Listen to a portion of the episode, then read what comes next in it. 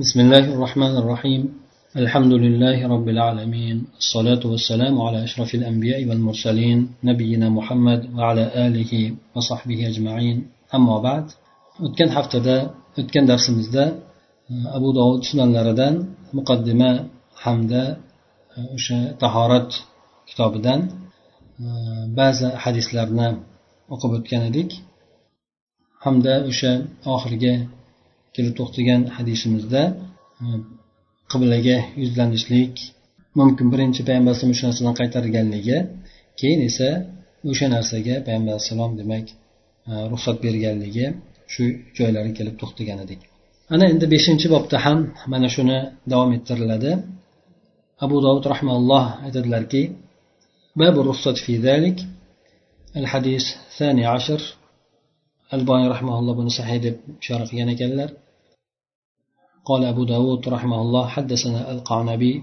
عبد الله بن مسلمة عن مالك عن يحيى بن سعيد عن محمد بن يحيى بن حبان عن أمه واسع بن حبان عن عبد الله بن عمر قال لقد ارتقيت على ظهر البيت فرأيت رسول الله صلى الله عليه وسلم على لبنتين مستقبل بيت المقدس لحاجته qof ya'ni muttafaqun alayh. Bu hadisda abdulloh ibn umar roziyallohu anhu rivoyat qilgan ekan. U kishi aytadilarki men uyni tepasiga chiqqan edim deydi. Ya'ni yashayotgan uyni tepasiga chiqqanda ya'ni payg'ambar sallallohu alayhi vasallamni o'zlarini shu uylarida hop ikkita g'ishtni ustida baytil maqdisga yuzlangan holatda o'sha hojatiga o'tirganligini ko'rdim degan hadislarni rivoyat qilyapti. Demak bu abdulloh umar nimani ustiga chiqqan? Uyni tepasiga chiqqan. Uyni tepasiga chiqqanda payg'ambar alayhissalomni o'sha baytul maqdis tomoniga yuzlanib hojatga o'tirganligini ko'rgan ekan.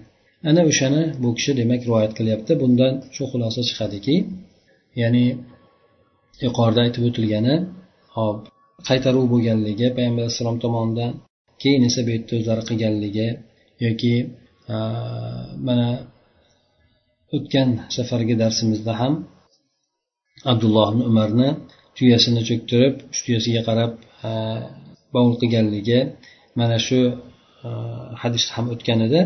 Bundan olimlar aytishadiki agar inson fazoda bo'ladigan bo'lsa ochiqlikda bo'ladigan bo'lsa albatta qiblaga oldi yoki orqasini yuzlanishlikdan tiyilishligi yana esa agar xonada bo'ladigan bo'lsa to'siq joyda bo'ladigan bo'lsa yoki oldida to'siqlik bo'ladigan bo'lsa bunda mana ba'zi hadislarda kelishligiga ko'ra ruxsat berilganligi aytib o'tilyapti bundan keyingi hadisda ham ibn abu dovud aytadilarki قال أبو داود رحمه الله حدثنا محمد بن بشار قال حدثنا وهب بن جرير قال أخبرنا أبي قال سمعت محمد بن إسحاق يحدث عن عبان بن صلاح صالح عن مجاهد عن جابر بن عبد الله قال نهى نبي الله صلى الله عليه وسلم أن نستقبل القبلة ببول فرأيته قبل أن يقبض بعام يستقبلها bu hadisni abdulloh ibn jobir ibn abdulloh roziyallohu anhu rivoyat qilgan ekan bunda u kishi aytadilarki payg'ambar sallallohu alayhi vasallam qiblaga qarab bovul bilan ya'ni hojat chiqarishlikdan E, qaytargan edilar. Men u zotni o'zlarini vafot etishliklaridan bir yil oldin qiblaga yuzlangan holatda hojat chiqarayotganligini ko'rdim deb. Bu ham yuqorida aytib o'tgan hadisimizga mos suratda demak avval qaytarilgan keyin e, ruxsat berilgan. Bu yerda keyingi ruxsat berilganligi e, avvalgi hukmni bekor qilishligi emas balki olimlar aytishadiki agar inson aytib o'tganimizdek fazoda bo'ladigan bo'lsa bu ochiqlikda bo'ladigan bo'lsa yalanglikda bo'ladigan bo'lsa bunda qiblaga yuzlanmasligi yo oldini ham orqasini ham qilmasligi hojat o'tayotgan paytda uylarni binolarni ichida bo'ladigan bo'lsa yoki to'siq joylarda bo'ladigan bo'lsa bu narsani bo'laveradi deb aytishgan. Lekin shunda ham baribir inson ehtiyotroq bo'lishi kerak. Sababi agar boshqa tarafga hojat chiqarishlik qarab turib hojat chiqarishlik imkoniyati bo'ladigan bo'lsa o'shanday qilish kerak ayni qasd qilib o'sha oldi yoki orqasini qiblaga yuzlangan holatda qilmasdan oltinchi bobda keltirib aytadiki babu kayfa التكشف عند الحاجة ya'ni hojat o'tayotgan paytida inson kiyimlarini qanday yechadi shu to'g'risidagi bob ekan قال أبو داود رحمه الله حدثنا أبو خيثمة زهير بن حرب قال حدثنا وكيع عن أعمش عن رجل عن ابن عمر أن النبي صلى الله عليه وسلم كان إذا أراد حاجة لا يرفع ثوبه حتى يدنو من الأرض. قال أبو داود رحمه الله رواه عبد السلام ابن حرب عن الأعمش عن أنس بن مالك وهو ضعيف. قال أبو عيسى الرملي حدثنا أحمد بن وليد حدثنا أمر بن عون أخبرنا عبد السلام به bu hadisni ibn umar roziyallohu anhu rivoyat roziyallohu anhu rivoyat qilgan ekan bunda aytadilarki u kishi payg'ambar sallallohu alayhi vasallam agar hojatga chiqadigan bo'lsalar ya'ni hojat chiqarishlikni iroda qiladigan bo'lsalar yerga yaqinlashgunigacha kiyimlarini ko'tarma ya'ni kiyimlarini ko'tarmasdi ya'ni tepaga qarab ya'ni biz yechmasdi deb aytamiz. Ya'ni ularni kiyimlari pastdan uzun bo'lganligi uchun tepaga qarab ko'tarmasdi hm? hatto yerga yaqinlashgungacha ya'ni yerga yaqin bo'lgunigacha o'sha avvaldan demak kiyimlarini avratlarini ochmas edi payg'ambar sallallohu alayhi vasallam deydi. Demak bunda ham inson iloji boricha ehtiyot ya'ni ba'zi boshqa hadislar ham keladi. Hop nokerak bo'lgan o'rinlarda shu inson avratini e, ochishligi yoki bo'lmasa hop keragidan ortiq darajada e, avratini ochib turishligi shu narsalarni karohiyati borligi uchun e, bu yerda ham payg'ambar sallallohu alayhi vasallam bu ibn umarni bunday holatini payg'ambar alayhisalomni holatini bayon qilayotganligi demak bunda ham avratni saqlashlikka qattiq ahamiyat berilayotganligiga aytib o'tyapti ta'kidlab o'tyapti. Demak payg'ambar sallallohu alayhi vasallam o'sha hojatni o'ziga yarasha bo'lgan holatida o'shanga ado etishlik bo'lgan paytidagina o'sha kiyimlarini tushirar edi hamda tepaga ko'tariladiganini ko'tarar edi. Bu demak e, payg'ambar alayhissalom avratini mahkam saqlashlikka bo'lgan qattiq harakatlarini ifoda qiladi. Buni yana abu dovud aytadilarki boshqa rivoyatlardan ham bo'lgan ekan. Anas ibn molikdan ham rivoyat qilingan ekan. Bu rivoyati abu anas ibn molikni qilgan rivoyatlari zaifroq ekan. Yana boshqa rivoyatlardan ham bo'lgan ekan. Lekin umumiy suratda e, alboniy rahmaulloh bu hadisga boshqa yo'llari bilan demak buni sahih deb aytgan ekanlar. Demak inson o'sha hojatni o'tayotgan paytida albatta boshqalar uni avratiga ko'zi tushib qolmasligi uchun hatto fazolik ya'ni yalanglikda bo'ladigan bo'lsa ham ehtiyotini qilishligi kerak bo'lar ekan yettinchi bobda keltirib o'tadiki ya'ni halo paytida ya'ni hojat chiqarayotgan paytida inson gapirishlikni makruh ekanligi ya'ni tahoratxonada tahoratda bo'lgan paytida gapirishlik gaplashishlikni makruh ekanligi قال أبو داود رحمه الله حدثنا عبيد الله بن عمر بن ميسرة حدثنا قال حدثنا ابن مهدي قال حدثنا إكرمة بن عمار أن يحيى بن أبي كثير أن هلال بن عياض قال حدثني أبو سعيد قال سمعت رسول الله صلى الله عليه وسلم يقول لا يخرج الرجلان يضربان الغائط كاشفين عن أورتهما يتحدثان فإن الله عز وجل يمقت على ذلك. قال أبو داود رحمه الله هذا لم يسنده إلا إكرمة ابن عمار وهو من حديث أهل المدينة حدثنا أبو سلمة حدثنا أبان حدثني يحيى بهذا يعني موقوفا مسلم رواية تقال كان خب bu hadisni abu said hudriy roziyallohu anhu rivoyat qilgan ekan bu kishi aytadilarki rasululloh sollallohu alayhi vasallamni shunday deyayotganlarini eshitdim ikkita odam hojat o'tashlik uchun tashqariga chiqadida avratlarini ochib olgan holatda gaplashib hojatini o'taydi. Mana shuni o'tamaydi. Agar shunday qiladigan bo'lsa alloh taolo ularni mana shunday qilayotgan holatiga qattiq g'azab bilan qaraydi qattiq g'azab qiladi deb aytgan ekanlar. Demak bu yerda hojat o'tayotgan paytda birinchidan inson bir birini avratini ko'rmasligi. Avratni ko'radigan darajada bo'lmasligi. Ikkinchidan esa hojat o'tayotgan paytida gaplashib o'tirmasligi. Mana bu narsadan demak bu hadisimiz qaytaryapti. Birlamchisi demak inson bir birini avratiga qarashligi bo'ladigan bo'lsa ikkinchisi ikkinchi narsasi albatta ularni o'sha hojat o'tayotgan paytda gaplashib o'tirishligi. Hop bu aytilgan azob esa ikkala narsani jamlanganligiga bo'ladi. Ikkala narsani jamlanganligi jamlanadigan bo'lsa bular bir biridan yana oqibati ziyodaroq bo'ladida ana o'shanga g'azab bilan qaraydi deb aytilyapti. Avratni ochishlik mumkin emasligini bilamiz. Unga qaramaslik qarashlik mumkin emasligini ham bilamiz. Endi gaplashlik bo'ladigan bo'lsa albatta hojat o'tayotgan payt inson gaplashadigan vaqt emas endi insondan so'raladigan narsa bo'ladigan bo'lsa mutlaq suratda gapirmaslik kerakmi? Yoki bir inson hojatda bo'ladigan bo'lsa e, tashqaridan so'rayotgan odamga javob qilish kerak emasmi bu narsaga binoan? Ya'ni karohiyat degani bu narsa bo'ladiki inson agar ehtiyoj bo'ladigan bo'lsa karohiyat yo'qoladi. Agar ehtiyoj bo'lmaydigan bo'lsa makruhligi bo'ladi. Agar o'sha narsaga hojat topiladigan bo'lsa inson unga javob qiladi. Ya'ni ehtiyoj bo'lganligi uchun.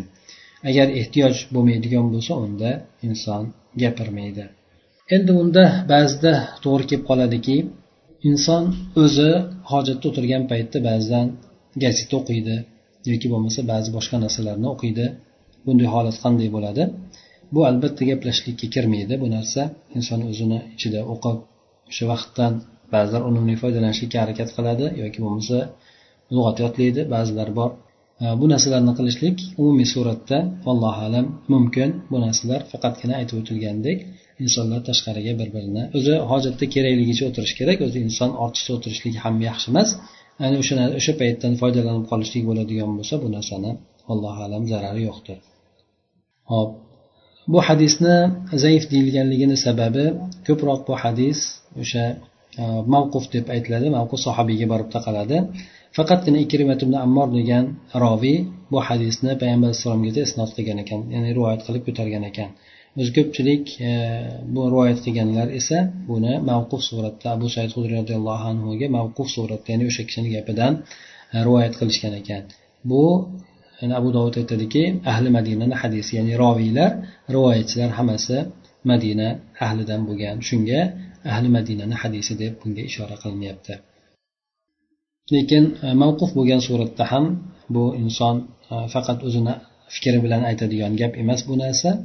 E, hukm jihatdan e, garchi raf hukmi beriladigan bo'lsa ham ya'ni bu inson aqli bilan fikri bilan gapiradigan so'z emasligi uchun lekin rivoyat jihatidan bu mavquf deb aytiladi. Sakkizinchi bobda keladiki babu في الرجل يرد السلام وهو يبول. قال أبو داود رحمه الله حدثنا عثمان وأبي أبو بكر ابن أبي شيبة قال حدثنا عمر بن سعيد سعد قال عن عن سفيان عن الضحاك بن عثمان النافع عن ابن عمر رضي الله عنهما قال مر رجل على النبي صلى الله عليه وسلم وهو يبول فسلم عليه فلم يرد عليه. مسلم هم رواية كان قال أبو داود وروي عن ابن عمر وغيره أن النبي صلى الله عليه وسلم تيمم ثم رد على الرجل السلام sakkizinchi bobda keltiryaptiki bir odam haqidaki bu odam hojat ushlatayotgan paytida salom qaytaradi shu bobidagi e, shu haqidagi bob ekan endi. Abu dovud aytadilarki usmon ya'ni bu hadisni u kishi abdulloh ibn umar roziyallohu anhudan rivoyat qilgan ekan. Ya'ni yuqoridagi roviylar usmon va abi bakr ibn abi shayba degani abu dovud demak ikkalasidan ham rivoyat qilgan ekan ham usmondan ham abu bakrdan rivoyat qilgan ekan. Bularni ikkalasi ham abi shaybani o'g'illari ekan. Ya'ni u tomondan ham bu odamdan ham ayni shu mana shu yo'ldagi bo'lgan rivoyatni rivoyat qilgan ekan. Ibn umar roziyallohu anhu aytadilarki bir odam payg'ambar sallallohu alayhi vasallam tahorat ushlayotgan paytlarida o'tib qoldi. Payg'ambar alayhissalomga keyin salom berdi. Payg'ambar sallallohu alayhi vasallam esa u kishini salomiga alik olmadi. Abu dovud aytadiki yana ibn umardan rivoyat qilingan boshqalardan rivoyat qilinganki payg'ambar sallallohu alayhi vasallam tayammum qilib oldilarda so'ng haligi odamga salomni qaytardi. Ya'ni salomiga alik oldi.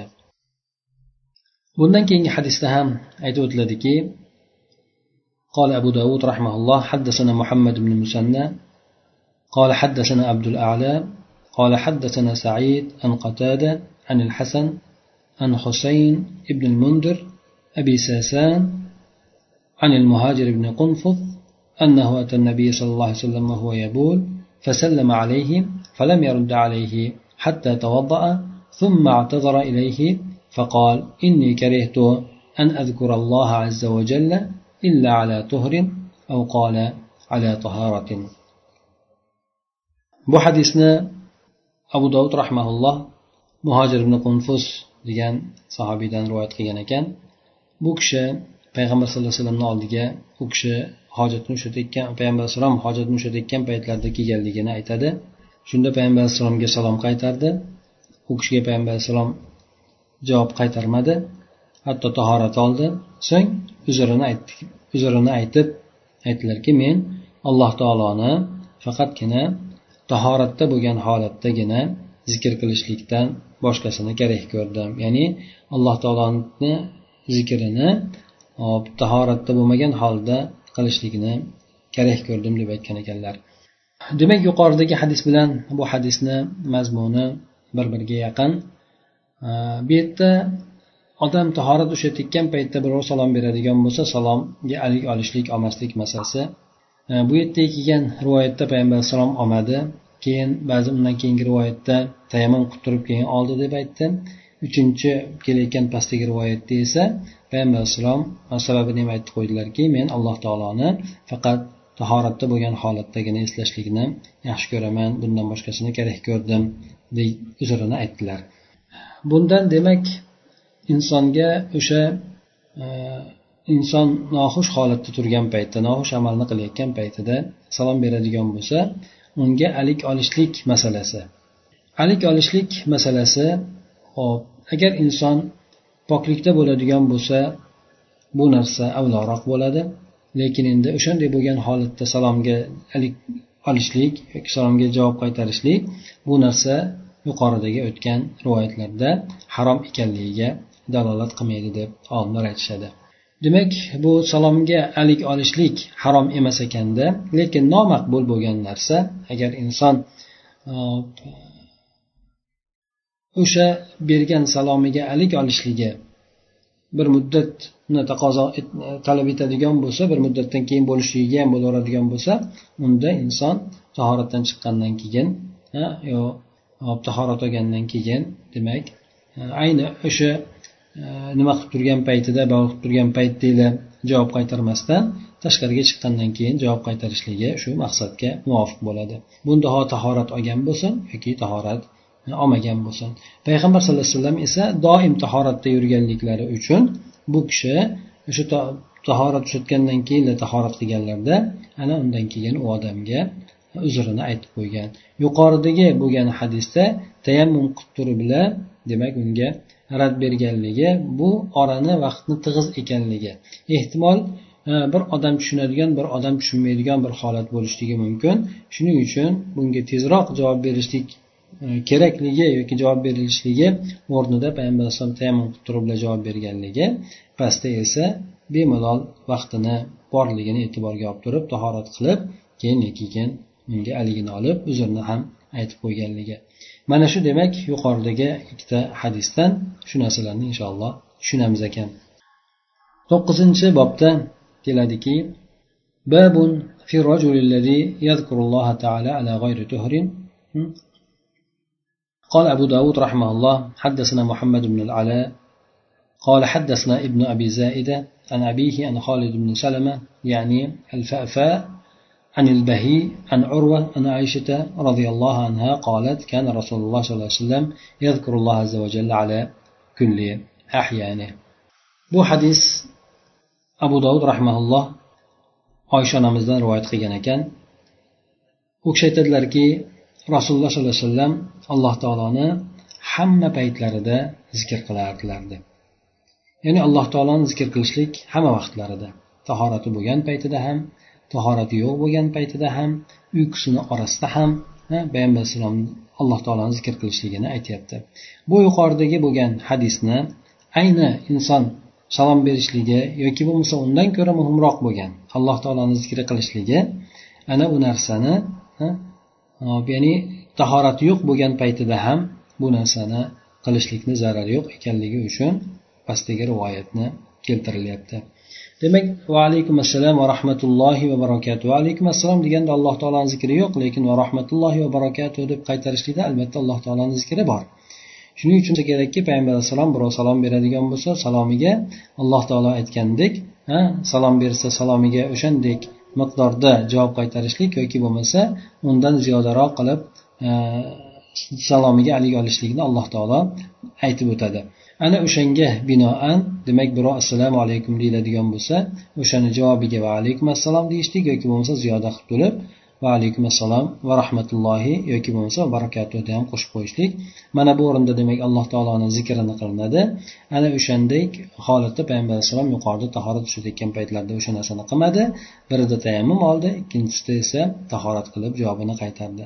Lekin umumiy suratda alloh taoloni zikrini qilishlik inson tahoratli bo'lgan o'rinda ham tahorati yo'q bo'lgan o'rinda ham joiz ekanligini oysha onamizni rivoyatlaridan tushunamiz ekan. Faqatgina inson junub bo'lgan holatida qur'on tilovatidan qaytariladi. Qur'onni tilovat qilishidan qaytariladi lekin duolar bo'ladigan bo'lsa duolarni qilishlik birov salom beradigan bo'lsa salomiga alik olishlik bu narsalarni junub holatda bo'lishligi inshaalloh man etmaydi. Undan keyingi bobda keltirib o'tiladiki babu الخاتم يكون فيه ذكر الله تعالى يدخل به خلا قال أبو داود رحمه الله حدثنا نصر بن علي عن أبي علي الحنفي عن همام عن ابن جريج عن الزهري عن أنس قال كان النبي صلى الله عليه وسلم إذا دخل الخلاء وضع خاتمه ضعيف الجامع الصغير المشكات المشكات. قال أبو داود هذا حديث منكر إنما يعرف عن ابن جريج عن زياد بن سعد عن الزهري عن أنس قال إن النبي صلى الله عليه وسلم اتخذ خاتما من ورق ثم ألقاه والوهم فيه من همام ولم يربه إلا همام bu bobda inson ya'ni uzuk taqishligi yoki bo'lmasa uzukka o'xshagan shunday alloh taoloni zikri bo'ladigan narsalarni taqishligida u bilan tahoratga kirishligi bobi ekan bu yerda anas ibn molik roziyallohu anhudan abu dovud rivoyat qilyapti. U kishi aytadilarki payg'ambar sallallohu alayhi vasallam agar tahoratga kiradigan bo'lsalar uzuklarini qo'yib qo'yardilar. Ya'ni bu kishini uzuklarida muhammad rasululloh e, naqshi bo'lganligi uchun. Bu hadisni abu dovud rahmaulloh munkar hadis deb aytgan ekan. Munkar degani o'tgan safarda aytib o'tgan edik zaif bo'lgan odamni ishonchli bo'lgan odamlarga muxolif rivoyati buni munkar deyiladi. Shoz deb esa yuqorida bu e, alboniy rahmaulloh shoz deb keltirgan ekan. Bu ishonchli bo'lgan rivoyatchini ishonchli bo'lgan rivoyatchilarga xilof rivoyat qilishligi. Demak orasidagi farq shoz e, ishonchli bo'lgan siqa bo'lgan odamdan rivoyat qilinadiyu lekin e, ko'pchilik o'sha siqalarga xilof suratda hadisni rivoyat qiladi. Ya'ni bir yo'ldan bo'ladida masalan aytaylik to'rt kishi besh kishi uch kishi masalan bitta odamdan bir narsa deb rivoyat qilgan bo'lsa bir kishi u shu yo'ldan boshqacha deb rivoyat qiladi o'sha hadisni buni shoz deyiladi. Endi o'shani zaif odam qiladigan bo'lsa zaif odam shunaqa odam ishonchli bo'lgan odamlarga xilof suratda rivoyat qiladigan bo'lsa buni munkar deb aytiladi. Munkarni teskarisi muqobil esa ma'ruf deyiladi ya'ni ma'ruf bo'lgan hadis e, o'sha rosmoni to'g'ri bo'lgan hadis bo'ladi munkar esa o'sha nimalarga E, siqa bo'lgan odamlarni rivoyatga xilof suratda rivoyat qilingan hadis bo'ladi. Demak abu dovud bu yerda roviylarni birisini munkar deb aytgan bo'lsa ya'ni hammomni e, alboniy esa u o'zi ishonchli odamu lekin ishonchli bo'lgan odamlarga e, xilof suratda rivoyat qilgan deb aytilyapti. Abu dovud aytadilarki bu munkar hadis ya'ni bu ibn jurayshdan ziyod ibn saad zuhriydan shu yuqorida aytib o'tilgan E, roviylar orqali anas molikdan ma'lum bo'lgan hadis shuki payg'ambar sallallohu alayhi vasallam bir e, uzuk qilib olganlarida kumushdan uzuk qilib olganlarida keyin u uzukni tashlagan degan. Bu yerdagi vahm ya'ni xatolik hammom tarafidan bo'lgan e, buni faqatgina bu yo'ldan hammom o'zigina o'sha rivoyatchi hammom o'zigina rivoyat qilgan deydi. Demak bu keyingi hadisda payg'ambar alayhisalom kumushdan bo'lgan uzukni olganda sen tashlagan degan rivoyati bu boshqa sahih rivoyatlar borki bular payg'ambar alayhisalom kumushdan emas balki e, nimadan olganlar tilladan bir kumushni oladilarda keyin qarasalar bu narsa aytadi e, tilla harom qilinishligidan oldin bo'lgan edi. Odamlar ham boshqalari ham tilla uzukni olgan tilla uzuk taqib olgandan keyin payg'ambar alayhissalom u tilla uzukni tashlaydilarda qaytib buni taqmayman deb aytadilar. Boshqa sahobalar ham tilla uzuklarni o'shanda tashlashadi. Ya'ni payg'ambar alayhisalom nima ish qiladigan bo'lsa qolganlar shunga o'xshatib qo'yishlikka harakat qilar edi payg'ambar sallallohu alayhi vasallamni endi uzuklari borasida aytib o'tadigan bo'lsak e, bu e, kumush uzuk bo'lgan unda payg'ambar alayhissalom naqshda muhammad rasululloh degan naqsh bo'lgan e, bundan payg'ambar alayhissalom ziynat bo'lishligidan ko'ra ko'proq muhr suratida foydalanganlar yuboriladigan xatlarga payg'ambar alayhissalom o'sha muhammad rasululloh e, tamg'asi bilan tamg'a bosganlar. Ana o'sha e, payg'ambar sallallohu alayhi vasallamdan keyin bu uzuklari abu bakrga o'tadi abu bakrdan keyin esa umarga o'tadi umardan keyin esa usmon roziyallohu anhuga o'tadi. Lekin shu bilan birgalikda e, usmon roziyallohu anhu bir olti yilcha bu uzukni taqadilarda keyin quduqqa tushib shu bilan g'oyib bo'ladi. E, demak endi bu yerdagi bizga kerakli bo'ladigan masala bu inson e, haloga kiradigan bo'lsa ya'ni hojatxonaga kiradigan bo'lsa hojat tushiradigan bo'lsa bunda alloh taoloni zikri bo'lgan narsalar bilan birga kirishligi makruh bo'ladi. Makruh bo'ladi illo hojat taqozo qiladigan bo'lsa unda bo'ladi. Masalan aytaylik o'ziga bor qo'yib kirib ketadigan bo'lsa o'g'irlab ketishadi. Ha endi o'sha bilan kirishligi mumkin. Unda ham qo'liga taqqan holatidan demak cho'ntagiga olganligi ma'qulroq bo'ladi. Hop yana imom ahmad aytgan ekanlarki agar bir uzuk taqqan bo'lsayu unda alloh taoloni ismi bo'ladigan bo'lsa o'sha tashqarisini ichkarisiga qilib olib turib ya'ni uzukni Э, shu yozuv tomonni ichkarisiga qilib olib turib e, tohratga kiradi deb imom ahmad aytgan ekanlar. Endi qur'on bilan kirishlik bo'ladigan bo'lsa e, qur'onni ko'tarib kirib ketishlik bu albatta e, bu narsa harom bo'ladi harom bo'ladi. Hop alloh taoloni kalomini hurmati sababli ba'zi ahli ilmlar esa zarurat yuzasidan bunga ham ruxsat berishgan agar inson qo'yib kirib ketadigan bo'lsa o'g'irlab ketadigan shunaqa bir zoyi bo'lib ketadigan e, aytaylik yo bo'lmasa hurmatsizlikka uchraydigan bir o'rinlar bo'lib qoladigan bo'lsa unda inson o'sha ichiga bog'lab olib kirib ketishligiga ruxsat berishadi. Ya'ni bu zarurat holati uchundir. Endi bu aytib o'tilgan hojatxonalar bular o'sha hojat o'taladigan xonalar bo'ladigan bo'lsa deb aytiladi. Ammo endi hammom bo'ladigan bo'lsa ya'ni faqat yuviniladigan hammom bo'ladigan bo'lsa yoki avraz yoki bo'lmasa hammom bo'ladigan bo'lsa bu nimadan hojat o'taladigan joydan tashqari ba'zi olimlar demak aytgan ekanki bunda alloh taoloni zikrini qilishlik unda hattoki qiroat qilishlik ham harom bo'lmaydi. Agar e, bu e, mustaqil bo'ladigan bo'lsa ya'ni hojat o'tadigan joy bilan e, bu yuviladigan tahorat olinadigan joy alohida bo'ladigan bo'lsa.